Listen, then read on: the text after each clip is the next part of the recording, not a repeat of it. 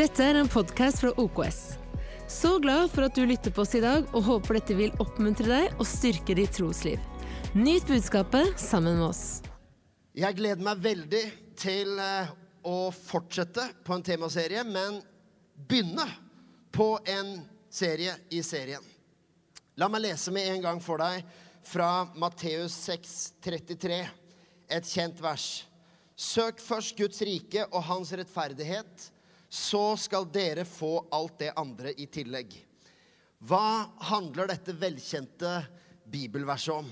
Det var tidlig å gjespe nå, Adrian. Det er litt, tidlig med Sånn tj- halvtime ut i prekenen er det greit. Det, etter 20 sekunder det blir litt demotiverende. Så jeg veit du har hatt en lang uke, og vi har snakka sammen på fredag, men det, så sliten kan det ikke være.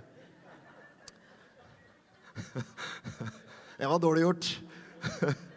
Det er mitt kjærlighetsspråk. Jeg sier sånn til de jeg er mest glad i. Så det er dere jeg aldri erter. Dere bør tenke over det. Men eh, hva er dette verset? Hva er det dette handler om? Hvilken sammenheng står dette her sånn? Er det noen som vet svaret? Dette verset, 'Søk først Guds rike og hans rettferdighet, så skal dere få alt det andre i tillegg', er et avsnitt som handler om økonomi og verdier, prioriteringer og våre bekymringer i kjølvannet av det. Det er hva det kapitlet handler om, og som kulminerer i 'Søk derfor først Guds rike og hans rettferdighet, så skal dere få alt det andre i tillegg'. I dag så Vi, vi skal ha tre søndager, litt nedtelling til takknemlighetssøndag, som er den siste søndagen i oktober. Så i dag og 9. oktober og 23. oktober, det er litt oppstykka, så er det en serie i serien som heter 'Jesus fornyer mitt syn på penger'. Det var, ikke planen at det skulle komme midt i strømkrise, men sånn blei det. Når vi skal snakke om dette temaet, så vil jeg du skal vite at jeg står ikke her som en pastor som er økonomiekspert, og som nå skal belære kirken i hvordan dette her fungerer. Det vi skal gjøre, er at vi skal åpne Bibelen sammen. Og så skal vi gjøre noen fantastiske oppdagelser. Og jeg gleder meg. Vi skal gjøre oppdagelser som hjelper deg og meg. Det er gjengangeren i denne serien. Hvem handler i denne teksten om? Den handler om deg og meg. Sitat min norsklærer. Olav Nese. Men som jeg kaller Viggo for å beskytte anonymisere han litt. Men søk først Guds rike. Det handler om deg og meg. Jeg skal være såpass åpen og ærlig etter hvert, og kanskje bitte litt i dag, vi får se hvor langt vi kommer, eh, at det nesten kommer til å gjøre litt vondt. Eh, Jeg har vært usikker på skal vi skal vi legge ut dette her på YouTube i det hele tatt. Hvis du nå sitter og ser dette her på YouTube, så har ikke jeg rukket å snakke med medietime ennå. Så nyt det mens du kan. Eh, Og det beste er hvis du skrur av nå med en gang. Rett og slett. Det er bare et pedagogisk triks for David. De ser videre. Det er det som er. Temaet er penger. Det er personlig, det er potent, og det er emosjonelt. Det er ikke et objektivt tema. Ofte sier vi at jo, penger det er bare et redskap, det er bare et verktøy. Nei, det er mer. Penger i praksis er følelser, det er identitet, det er relasjoner, selvbilde, tid, valgmuligheter. Og det er ikke noe som bare er relevant for voksne som har et stort ansvar i sin økonomi. Dette er det området som vi som barn, småbarn, kan lære oss å gå med Gud med den ukelønna vi har på 50 kroner. Det er veldig veldig spennende. La oss lese litt mer av teksten, fordi nå leste jeg bare det siste verset. La oss lese litt lenger opp i avsnittet i kapittel 6, Matteus 6, og vers 21-25. Dere skal ikke samle skatter på jorden, hvor møll og mark ødelegger, hvor tyver bryter inn og stjeler. Men dere skal samle skatter i himmelen, der verken møll eller mark ødelegger, og tyver ikke bryter inn og stjeler. For der skatten din er, vil også hjertet ditt være. Øyet er kroppens lampe. Om øyet ditt er klart, er det fordi kroppen er fylt av lys. Men om øyet ditt er sykt, er det fordi kroppen er fylt av mørke. Er nå lyset i deg mørke, hvor dypt blir ikke da mørket? Ingen kan tjene to herrer. Han vil hate den ene og elske den andre, eller holde seg til den ene og forakte den andre. Dere kan ikke tjene både Gud og mammon. Derfor sier jeg dere, vær ikke bekymret for livet, hva dere skal spise eller hva dere skal drikke, heller ikke for kroppen, hva dere skal kle dere med. Er ikke livet mer enn maten og kroppen mer enn klærne? Det er så mye gull og så mye å hente, og jeg bare gleder meg til at vi kan oppdage dette her sammen. Og vi har tre søndager, så vi behøver ikke ta alt i dag.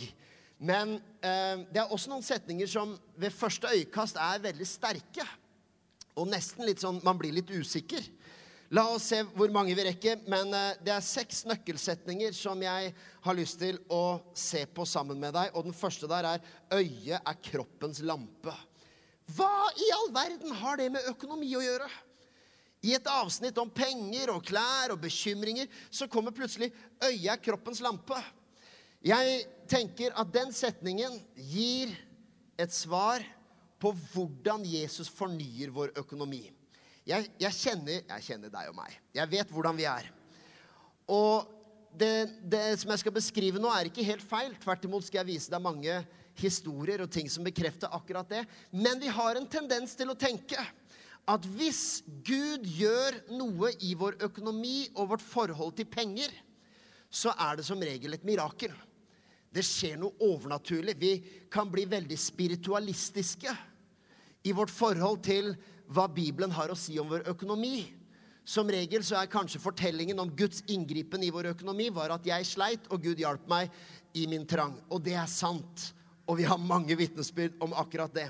Men denne teksten hinter om noe annet enn bare litt overnaturlig medvind. Og Jeg sier ikke at vi er i den grøfta, men av og til når man kan ha hørt kristen forkynnelse om dette temaet, så høres det nesten, det kan jo nesten bli litt sånn New Age-aktig. At vi har liksom, energiene virker i min retning. Eh, og som gjør at jeg har litt flaks her og der. Jo visst finnes det noe som heter favør. finnes noe som heter at Gud velsigner våre henders arbeid. Og jeg skal få litt drahjelp av noen andre stemmer også i kirken her etter hvert på dette. Men det Jesus snakker om her, er at han snakker om et øye. I et avsnitt som handler om penger, verdier og bekymringer. Du skjønner, måten Jesus fornyer vårt forhold til økonomi, tror jeg har å gjøre med hvordan vi ser. Det har å gjøre med at han vil fornye ditt øye. Jo visst Gud er en gud av forsørgning, han er en gud av mirakler, men han vil fornye hele ditt perspektiv og ditt blikk og hvordan du tenker. Så enn at du annenhver måned trenger et nytt mirakel for dine bekymringer, så lærer Bibelen oss å se med et nytt øye som gjør at du ikke bekymrer deg, men du har en, et annet verdisystem. Det er et radikalt kapittel etter Matteus 6. Egentlig, for å si det rett ut, så er det egentlig et kapittel som vitner om et folk med helt andre verdier enn resten av verden. Folk som ser på penger med helt andre øyne. Det er et radikalt kapittel på veldig mange måter, men egentlig er det Det beskrives også et samfunn. Hvis verden hadde praktisert Jesus og Bibelens undervisning om økonomi, så vet vi at ting hadde sett mye bedre ut.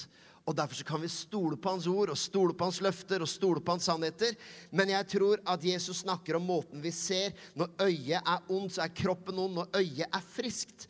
Du skjønner, Det er ingenting annet som er så koblet til vårt blikk og måten vi ser, som penger. Hvordan da? Jo, penger har den evnen at vi blir svaksynte for den innflytelsen pengene har i livene våre. Man kan være pengeblind. Man kan være pengesvaksynt, og man kan være pengeklarsynt. De fleste av oss er litt svaksynt. Men Guds ord vil hjelpe oss til å se klarsynt når det kommer til verdier, bekymring og økonomi. Så finnes det også en gruppe mennesker som jeg har et veldig stort hjerte for og et stort engasjement for. Kommer ikke til å rekke å ta det i dag, men det er mennesker som strever med pengeblindhet. Man ser ikke betydningen av penger inn, penger ut, og hva det gjør med ens syke, med ens helse, med ens mentale helse osv. Men det skal vi komme tilbake til. Hvordan er det at penger kan gjøre oss litt svaksynte? På mange måter. Jeg skulle gjerne illustrert flere, men som pastor kan jeg si én ting. At det finnes veldig, veldig mange typer hjelp mennesker Altså type problemer mennesker søker hjelp for. Man kan søke hjelp for avhengighet, man søker hjelp for turbulens i et ekteskap. Man kan søke hjelp fordi man enten har eh, ja, vært i en relasjon som har blitt ødelagt, kanskje av utroskap eller andre ting. Men det som er sånn typisk, er at jeg har aldri hatt noen som har søkt hjelp for grådighet. Thomas, jeg sliter med grådighet. Det er litt sånn typisk hver gang Bibelen snakker Og jeg, jeg, snakker, jeg kjenner meg sjøl igjen. Når Bibelen snakker om grådighet, så er det sånn at det, de versene preller rett av. For det gjelder jo ikke meg. Jeg sliter ikke med det. Selvsagt ikke. Vet du hvorfor ikke? Jo, fordi vi er svaksynte. Penger har den effekten. Det fins en del sånn Jeg skal ikke drive og snakke om synder her, vi skal snakke om nåden. Men det fins en del synder som du på en måte Du vet om. Det, det, når, når, Jesus snakker om hor, så sier han 'fly fra hor'. sier han. Men når han snakker om grådighet, så sier han 'vokt dere for grådighet'. Skjønner, Hor det vet man liksom gjerne om hvis man har begått. Jeg skal ikke ta mange, det, det, Bare spenn sikkerhetsbeltet. Dette kommer til å gå fint. Men Jesus sier, 'Vokt dere for dette', fordi det er noe som sniker seg inn, som vi ikke ser. Vi er svaksynte fordi ingen i vårt samfunn, ingen nordmenn, føler seg skikkelig rike. Ingen er ordentlig rik. Ja, Røkke kan godt si 'jeg er rik'. Det er greit. jeg er rik. Det er, som, er ikke noe å diskutere. Men de fleste av oss, det er ikke som for 100 år siden, da det var et klassesamfunn. Så arbeiderne og de fattige var med hverandre, og det var på en måte den sosioøkonomiske gjengen du hang med, og så var det overklassen som hang med hverandre. I dag lever vi i et samfunn som er mye mer at vi er på kryss og tvers, og det er fantastisk, men det betyr også at vi er alltid i kontakt med noen som har mer enn oss. Så uansett hvor velsigna jeg er, så er det alltid noen Det er aldri noen som føler seg ordentlig rike, for det er noen som har mer. Bortsett fra Røkke. Ingen har mer. Men nå flytter han seg, da. Det var egentlig det jeg ville si i dag, så da takker jeg for eh, at du lytta. Hør her. Det er masse mer å si, men Jesus vil fornye vårt øye. Det er et stort håp. Jeg vet at noen kanskje tenker her nå hva, Når vi skal snakke om at Jesus fornyer vårt syn på penger, er det da at vi åpner Bibelen og finner løfter, tro, fremgang, trøst, mirakler og håp? Eller finner vi tekster som utfordrer vårt blikk, og som korrigerer våre prioriteringer? Mitt svar på det er ja takk, begge deler.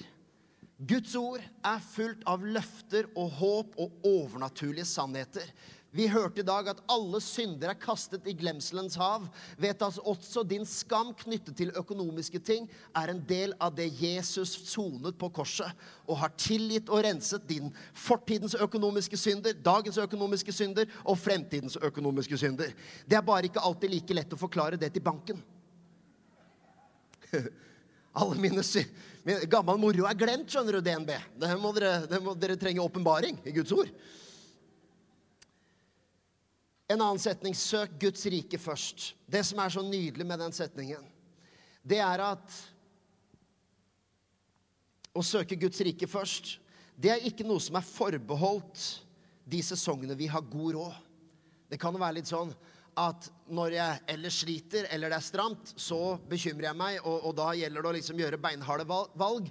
Mens når jeg har litt romslighet og har liksom mer inntekt enn utgifter, da kan jeg begynne å søke Guds rike først er jeg veldig glad for at det å søke Guds rike først er ikke et sted som kommer til slutt i vårt kristenliv. Jeg vil påstå at det er et av stedene vi kan starte. Det er faktisk en av de synligste og mest konkrete måtene å kunne praktisere etterfølgelse. Og som jeg sa, dette er et budskap både av håp og oppmuntring og tro og fremgang og velsignelse, men også noe som utfordrer vårt blikk. Du skjønner, Gud er god, og han liker å gi. Han er en som velsigner. Amen, Adrian? Veldig bra. Nå er han våken. Han kommer ikke til å tørre å gjespe resten av sitt voksne liv. Han er god. Jeg husker på en takknemlighetssøndag for noen år tilbake. Så holdt jeg en andak som jeg står veldig for, og som jeg tror lærer oss noe om Gud. For ofte så hører vi dette budskapet om at vi er velsigna for å være til velsignelse. Ikke sant? Så Gud gir til deg for at det skal strømme noe til deg til andre. Men det fins egentlig noe som er enda dypere, på en måte. Det er at Gud velsigner ikke bare deg for at du skal være til velsignelse.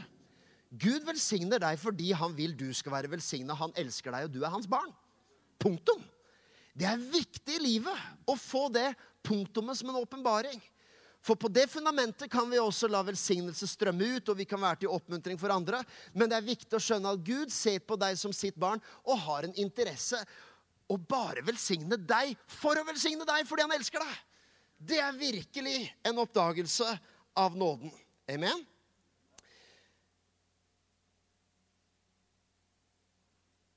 Søk Guds rike først betyr ikke bare at vi kan søke Guds rike først med våre penger, men at våre penger er et av de første stedene vi kan praktisere det å søke Guds rike. Det er veldig heftig.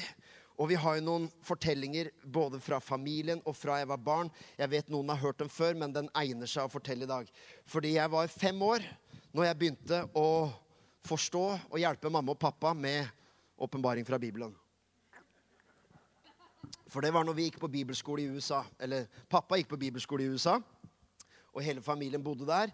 Og det var et år fullt av mirakler. Og det er en fantastisk viktig dimensjon av det vi prater om. Han vil fylle all vår trang, står det, etter sin rikdom i herlighet. Det vil si at når det er trang, så er det et bra utgangspunkt også for overnaturlig forsørgning.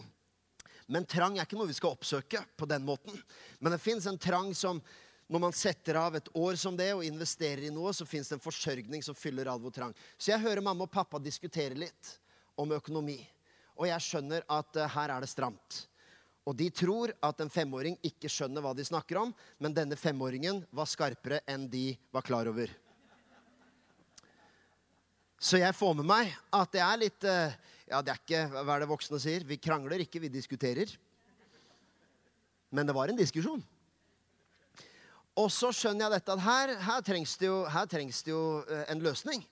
For uh, det var jo håper å si en ting at mamma og pappa trenger hjelp, men jeg ønsker å slippe å høre på dette her, så vi trenger et mirakel. Så jeg sier til uh, Jeg tenker jo da i mitt hode at hvis vi ber om 1000 dollar, så er problemene løst. Og det i mitt hode var 1000 dollar. Det var jo helt ufattelige mengder med penger. Så jeg kommer til mamma og pappa og sier at uh, med femåringen mangler flere fortenner, og sier 'Jeg kan be om 1000 dollar'. Skal jeg be om 1000 dollar? Litt sånn vil dere det? Skal jeg ta ansvar her? Det er bra det er én voksen i huset. Mm. Og så sånn, sånn, jeg på en måte oppfatter det, så er det sånn en forelder skal svare. At ja visst, det er, det er veldig bra, Thomas, men også litt sånn så søt du er. Eh, be om 1000 dollar, du. Det er, det er masse penger. Eh, og så ber jeg en kort bønn i Jesu navn at eh, mamma og pappa skal få 1000 dollar, sånn at problemene løser seg. Og da, fra det øyeblikket så forventer jeg et svar. Jeg forventer 1000 dollar.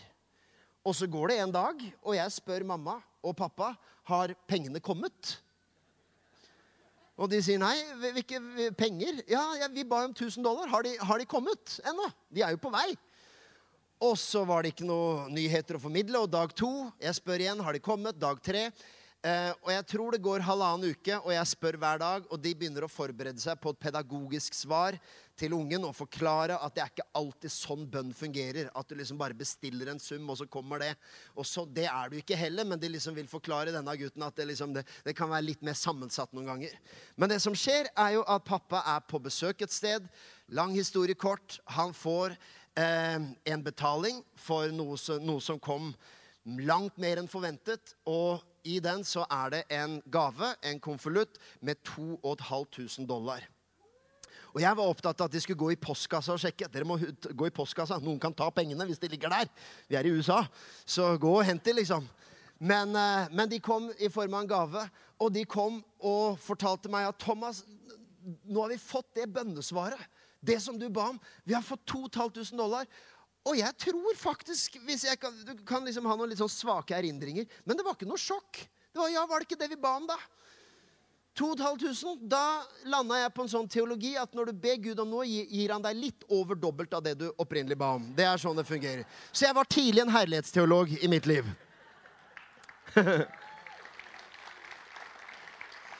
Og jeg, jeg forteller et par sånne historier med en hensikt. Kanskje blir det for deg som ikke er vant med å høre kristen forkynnelse om penger. Du tenker, skal man snakke om det i kirken? Jeg vil si, Det er tjenesteforsømmelse å ikke snakke om det i kirken. Guds ord er full av det, og ditt liv er enormt infiltrert av det. Hvordan kan vi la være? Det er en sentral del av livet og vårt disippelskap. Men jeg forteller dette her bare for å legge litt fundament.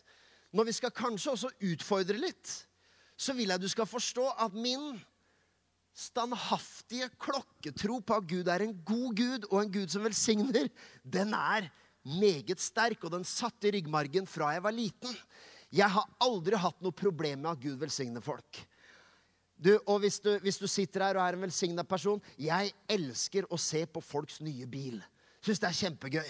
Jeg har aldri hatt noe problem med at mennesker er velsigna på den ene eller andre måten.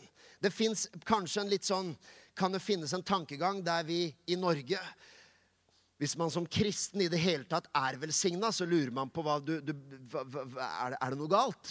Men eh, vi er veldig glad for at det finnes løfter, det finnes en sannhet. Men så finnes det også en forvaltning og et ansvar. Kristenlivet, vårt syn på penger, tror jeg, en, et begrep vi har vært inne på flere ganger, er ment å være bekymringsfritt og ansvarsfullt. Ikke bekymringsfullt og ansvarsløst. Men det er der man av og til kan havne når man blir pengeblind og man mister kontroll, og det er fullt av skam og skyld og angst og bekymring, så blir vi bekymringsfulle og ansvarsløse. Nei, vi er kalt til å leve bekymringsfritt og ansvarsfullt. I voksen alder så er det fantastisk stas å kunne lære dette videre til barna våre. Og det er bare um, Dette er ikke noe sånn her kommer pastorfamilien og bare viser den fullkomne modellen. Dette er bare hverdag og egentlig normalt kristenliv. Helt normalt kristenliv. Men det var en sommer her for uh, noen år tilbake hvor eh, vi ikke hadde råd til å gjøre noe spennende i sommerferien. Det var ulike årsaker til at det var stram prioritering. Men vi bestemmer oss sammen med ungene for at vi gjør en trosgave. Vi gir en gave til menigheten, og så ber vi Gud om en fin sommerferie. Og da er min tanke sånn at skjer det noe fantastisk, får vi en overraskelse. Yes, det tror jeg på av hele mitt hjerte. Hvis ikke, så gir vi fortsatt i takknemlighet og i ære til Gud og vet at han er vår forsørger i alle ting. Så det er ikke noe krav liksom, av Gud nå har du å, å, gjøre sånn og sånn. Men vi samler ungene er med og gir. De spytter inn et beløp hver seg som de kunne velge. Uh, og vi voksne naturligvis et større beløp som vi samler i en pott og skal gi kollekten og sier dette er vår gave. Uh, og så tror vi Gud for en spennende sommer, selv om ikke vi har noe spektakulært som er bestilt eller å finne på. Hvis jeg spoler da en måned fram, så er Theodor, vår eldste, er helt overbevist om at vi har rigga det bønnesvaret. Vi har juksa. Han mener at vi har snakka med folk i menigheten og sagt til dem at nå har vi bedt om et mirakel. Kan ikke dere gå og velsigne Theodor? For han sier at det, det, det, var liksom her, det var der, det var gaver, det var oppmuntringer. Det var Så han var helt overbevist om at vi har juksa. Vi har rigga det. Men det som rett og slett skjedde, var at på ulike måter så opplever vi en, en flyt og en strøm av velsignelse og overraskelser som gjør at vi endte opp den sommeren i Spania med en fantastisk sommer. Og det som, er, det som var litt gøy, var at uh, litt sånn på seinsommeren og på, ved skolestart så hadde ikke Theodor så mye sparepenger igjen. Og han kom en dag og sa det, vet du, nå har jeg veldig lite sparepenger. Jeg lurer på om jeg må gi igjen snart. Jeg. Det er litt gøy. Jeg sier ikke at det er 100% liksom Denne serien kommer ikke bare til å handle om hvis du bare gir så går alt fint. Det kommer til å være mer sammensatt enn som så. Men jeg er veldig glad for at hensikten med å fortelle historien er at det fins en rytme og en vandring med Gud der pengene er en veldig synlig og konkret måte å praktisere kristenliv på. Det er spennende. Det er et av de områdene du kan leve i forventning og spenning. Et aldri så lite eventyr med Gud. Det er fantastisk. En setning til. Samle dere ikke skatter. Jeg har lyst til å rekke å ta den før vi skal avslutte. fordi det er en sånn setning. Samle dere ikke skatter. Jeg vet at når nordmenn leser den, og når du og jeg leser den teksten, så blir mange litt nervøse. Samle dere ikke skatter på jorden. Skal vi ikke ha lov å ha sparepenger? Lurer man på. Kjartan tolker det som at vi skal ikke betale skatt. var sånn han tolka det. Er eh, total heresy. Eh, få heretikeren blant dere ut. Dere skal ikke samle skatter på jorden. Betyr dette at ikke vi skal kunne spare? Jeg tror ikke dette betyr at vi ikke skal kunne spare. Og alle pusta letta ut. Å, takk og pris. I teksten er det faktisk et ordspill her. Det står nemlig 'ikke samle'. Det greske ordet for 'ikke samle', det er, altså å samle, er eh, theasaurizo. Som betyr å store up to treasure, å samle. Men skatter er thesauros. Så når, de, når, når, dette står på gresk i grunnteksten, dette kan du slå opp sjøl, så står det et ordspill der det står egentlig 'ikke skatt skattene dine'. Ikke verdsett verdiene dine. På engelsk kunne det ha stått 'don't treasure your treasures'. Nå betyr det første verbet der betyr også å samle opp. Men jeg tror at når du tar summen av kapittelet og summen av det Jesus sier, så er det nettopp det det betyr. At det du har samlet opp, hvis det er der hjertet ditt er, hvis det er der skatten din er, hvis det er der din trygghet er, hvis det er din identitet er, det er å samle skatter. Det er å skatte skattene på jorden. Hvorfor sover jeg godt om natta? Jo, fordi jeg har penger på kontoen. Det er å samle skatter. Men Jesus snakker om der, der din skatt er, vil ditt hjerte være. Så det er nøkkelspørsmålet i hele kapittelet er hva er det som gir deg identitet? Hva er det som gir deg trygghet? Hva er det som gjør at du sover godt om natta? Hvor er det du har skatten din? Hva er det som bekrefter deg? Hva er det som gjør at du føler deg trygg? Du skjønner, Når jeg da sier at dette verset betyr ikke at vi ikke skal spare, så blir vi kanskje veldig, veldig, veldig letta. Takk og pris. Det er litt på samme måte som vi forteller historien om den rike unge mannen. Du har hørt den, ikke sant? den rike unge mannen som møter Jesus, og Jesus sier at han må gå og selge alt han eier. Og ofte så, Når jeg har forklart den historien, så har jeg sagt at det står ikke i den historien at alle kristne til alle tider skal gå og selge alt de eier. Og du kan høre sånn lettelsens gisp gjennom hele salen. Å, takk og pris. Kan det være at det at vi blir så letta, avslører kanskje også litt at vi har skatten vår der? At tanken på at Bibelen skulle foreslå at jeg ikke kan spare og sikre meg økonomisk, den gjør meg kvalm. Da er det et hint om at skatten min er der. Eller den rike unge mannen, at ikke alle kristne skal gi bort alt de eier. Jeg vil si Det sånn her, det er litt provoserende sagt, men jo mer lettelse du føler over at Bibelen ikke sier at du må gi bort alt, jo nærmere er du den kategorien mennesker Jesus hadde bedt om å gi bort alt. For han vil sette deg fri fra din skatt. For her er én ting som er sikkert, og tida løper fryktelig fort fra meg i dag.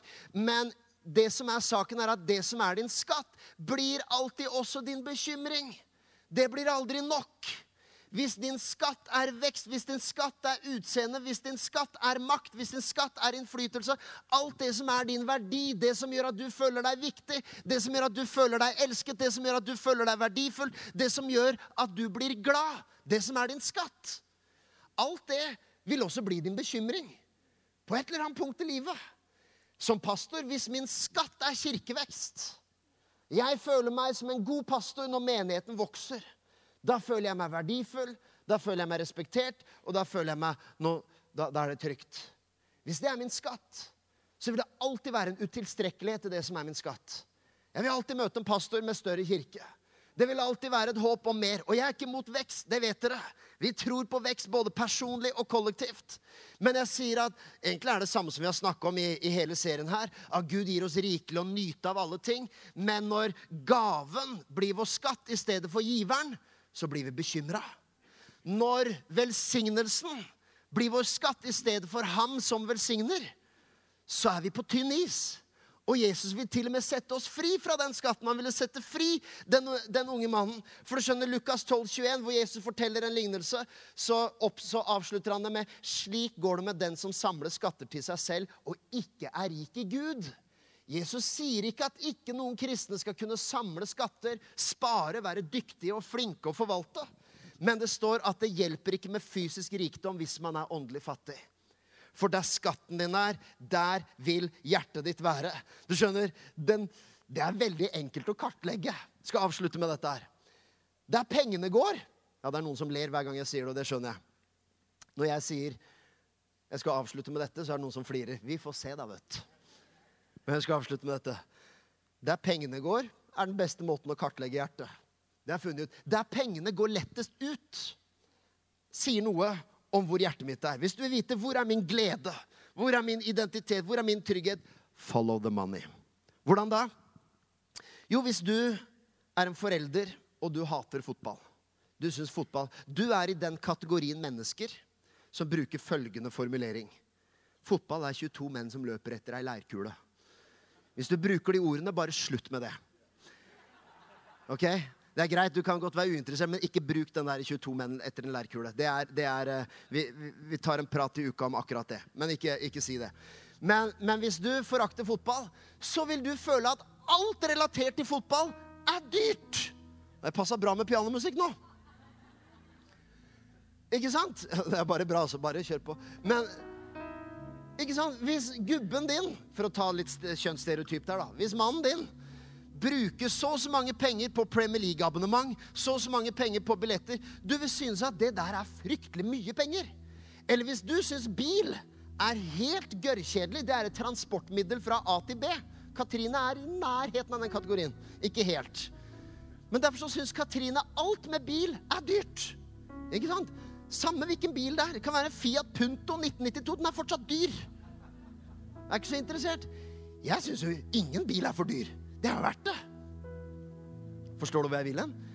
Med fotball Jeg må innrømme, jeg syns ikke det er dyrt. Katrine, hør på meg. Det står i manuset mitt. Vi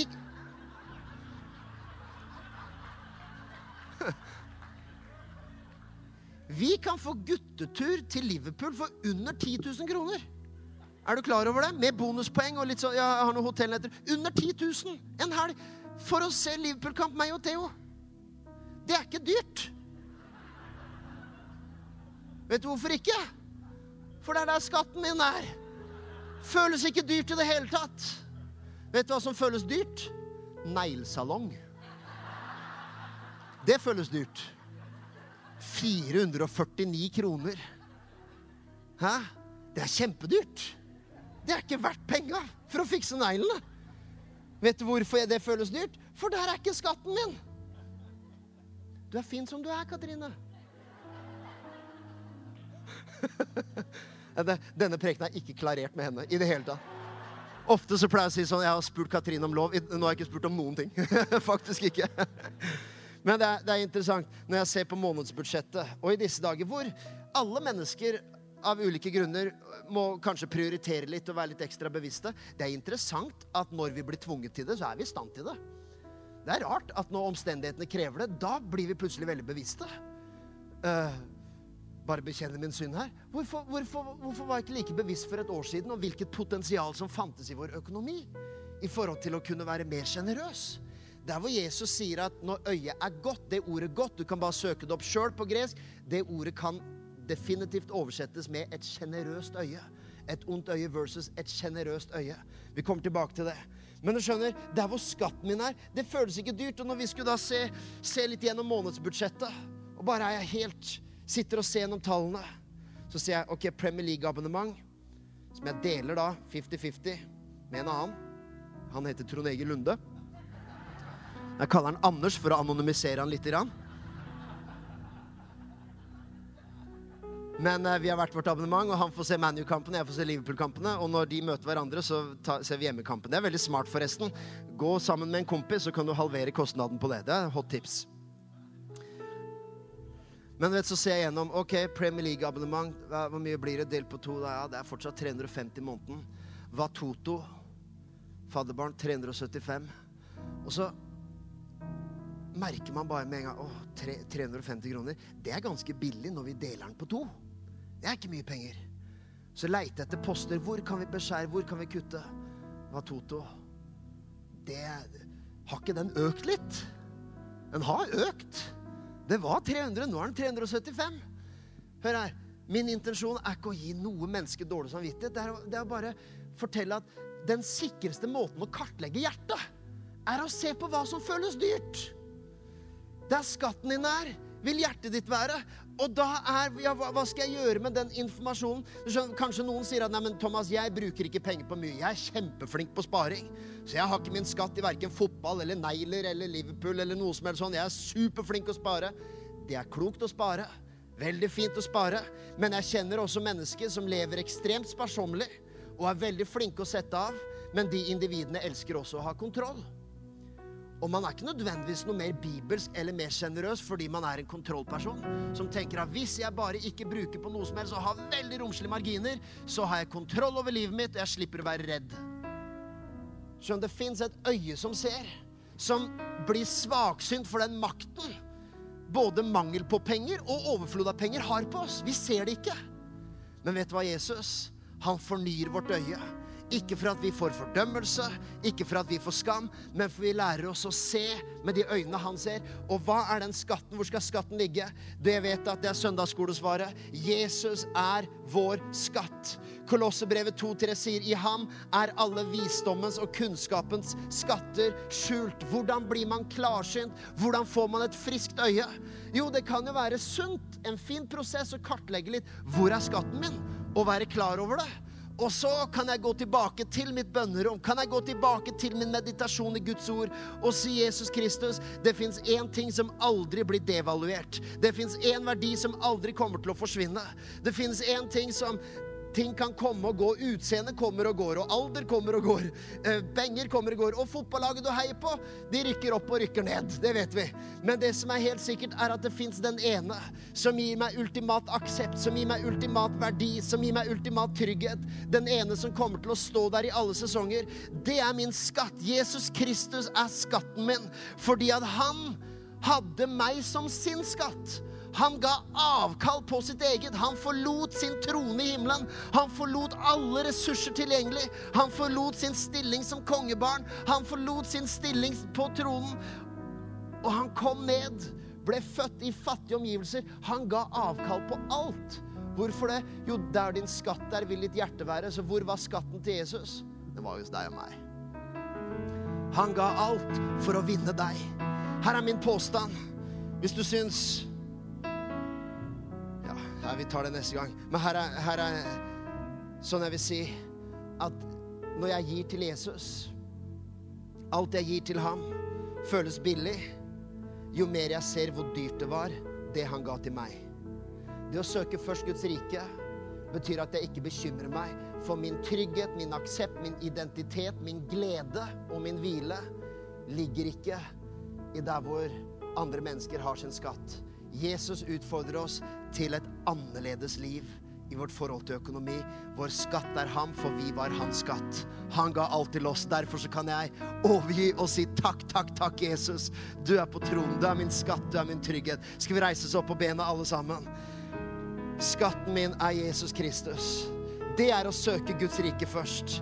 Det er å søke den skatten. Den er, når det står 'samle dere skatter i himmelen', vet du hva det betyr? Det er ikke bare å gi ja, sam, Jeg samler skatter i himmelen hvis jeg bare gir og gir og gir og gir. Å samle seg skatter i himmelen betyr at min trygghet og identitet er i ham, og ikke min skatt. Jeg vet at dere ler av alle mine fotballeksempler, men det er det er jo sånn at Hvis din skatt er fotballaget, ja, så er du deprimert en uke etterpå når de taper. ikke sant? Jeg har aldri levd kjøtelig på den måten der. Det er bare å kjenne andre som sliter med de tingene. Men det er sånn, det som er din skatt, er også det som forårsaker bekymring. Bare begynn å sjekke gjennom livets områder. Det som er din skatt, er også der, der du kan kjenne uro når det er mangel på det. Vet du hva det aldri er mangel på? Fylden av Jesus Kristus. Herren er min hyrde, jeg mangler ingenting. For når jeg har ham, så har jeg faktisk alt. Og det er mitt utgangspunkt. Amen. Gi en applaus til Jesus, for han er god. Takk, Far i himmelen. Ok. Takk for at du tok deg tid til å lytte på en av våre podcaster fra OKS. Vår visjon er å bringe Jesus til mennesker i vår verden, og mennesker i vår verden til Jesus. Følg oss ellers på vår YouTube-kanal og sosiale medier. Du er velkommen til å besøke en av våre kirker. For mer informasjon, sjekk ut oks.no.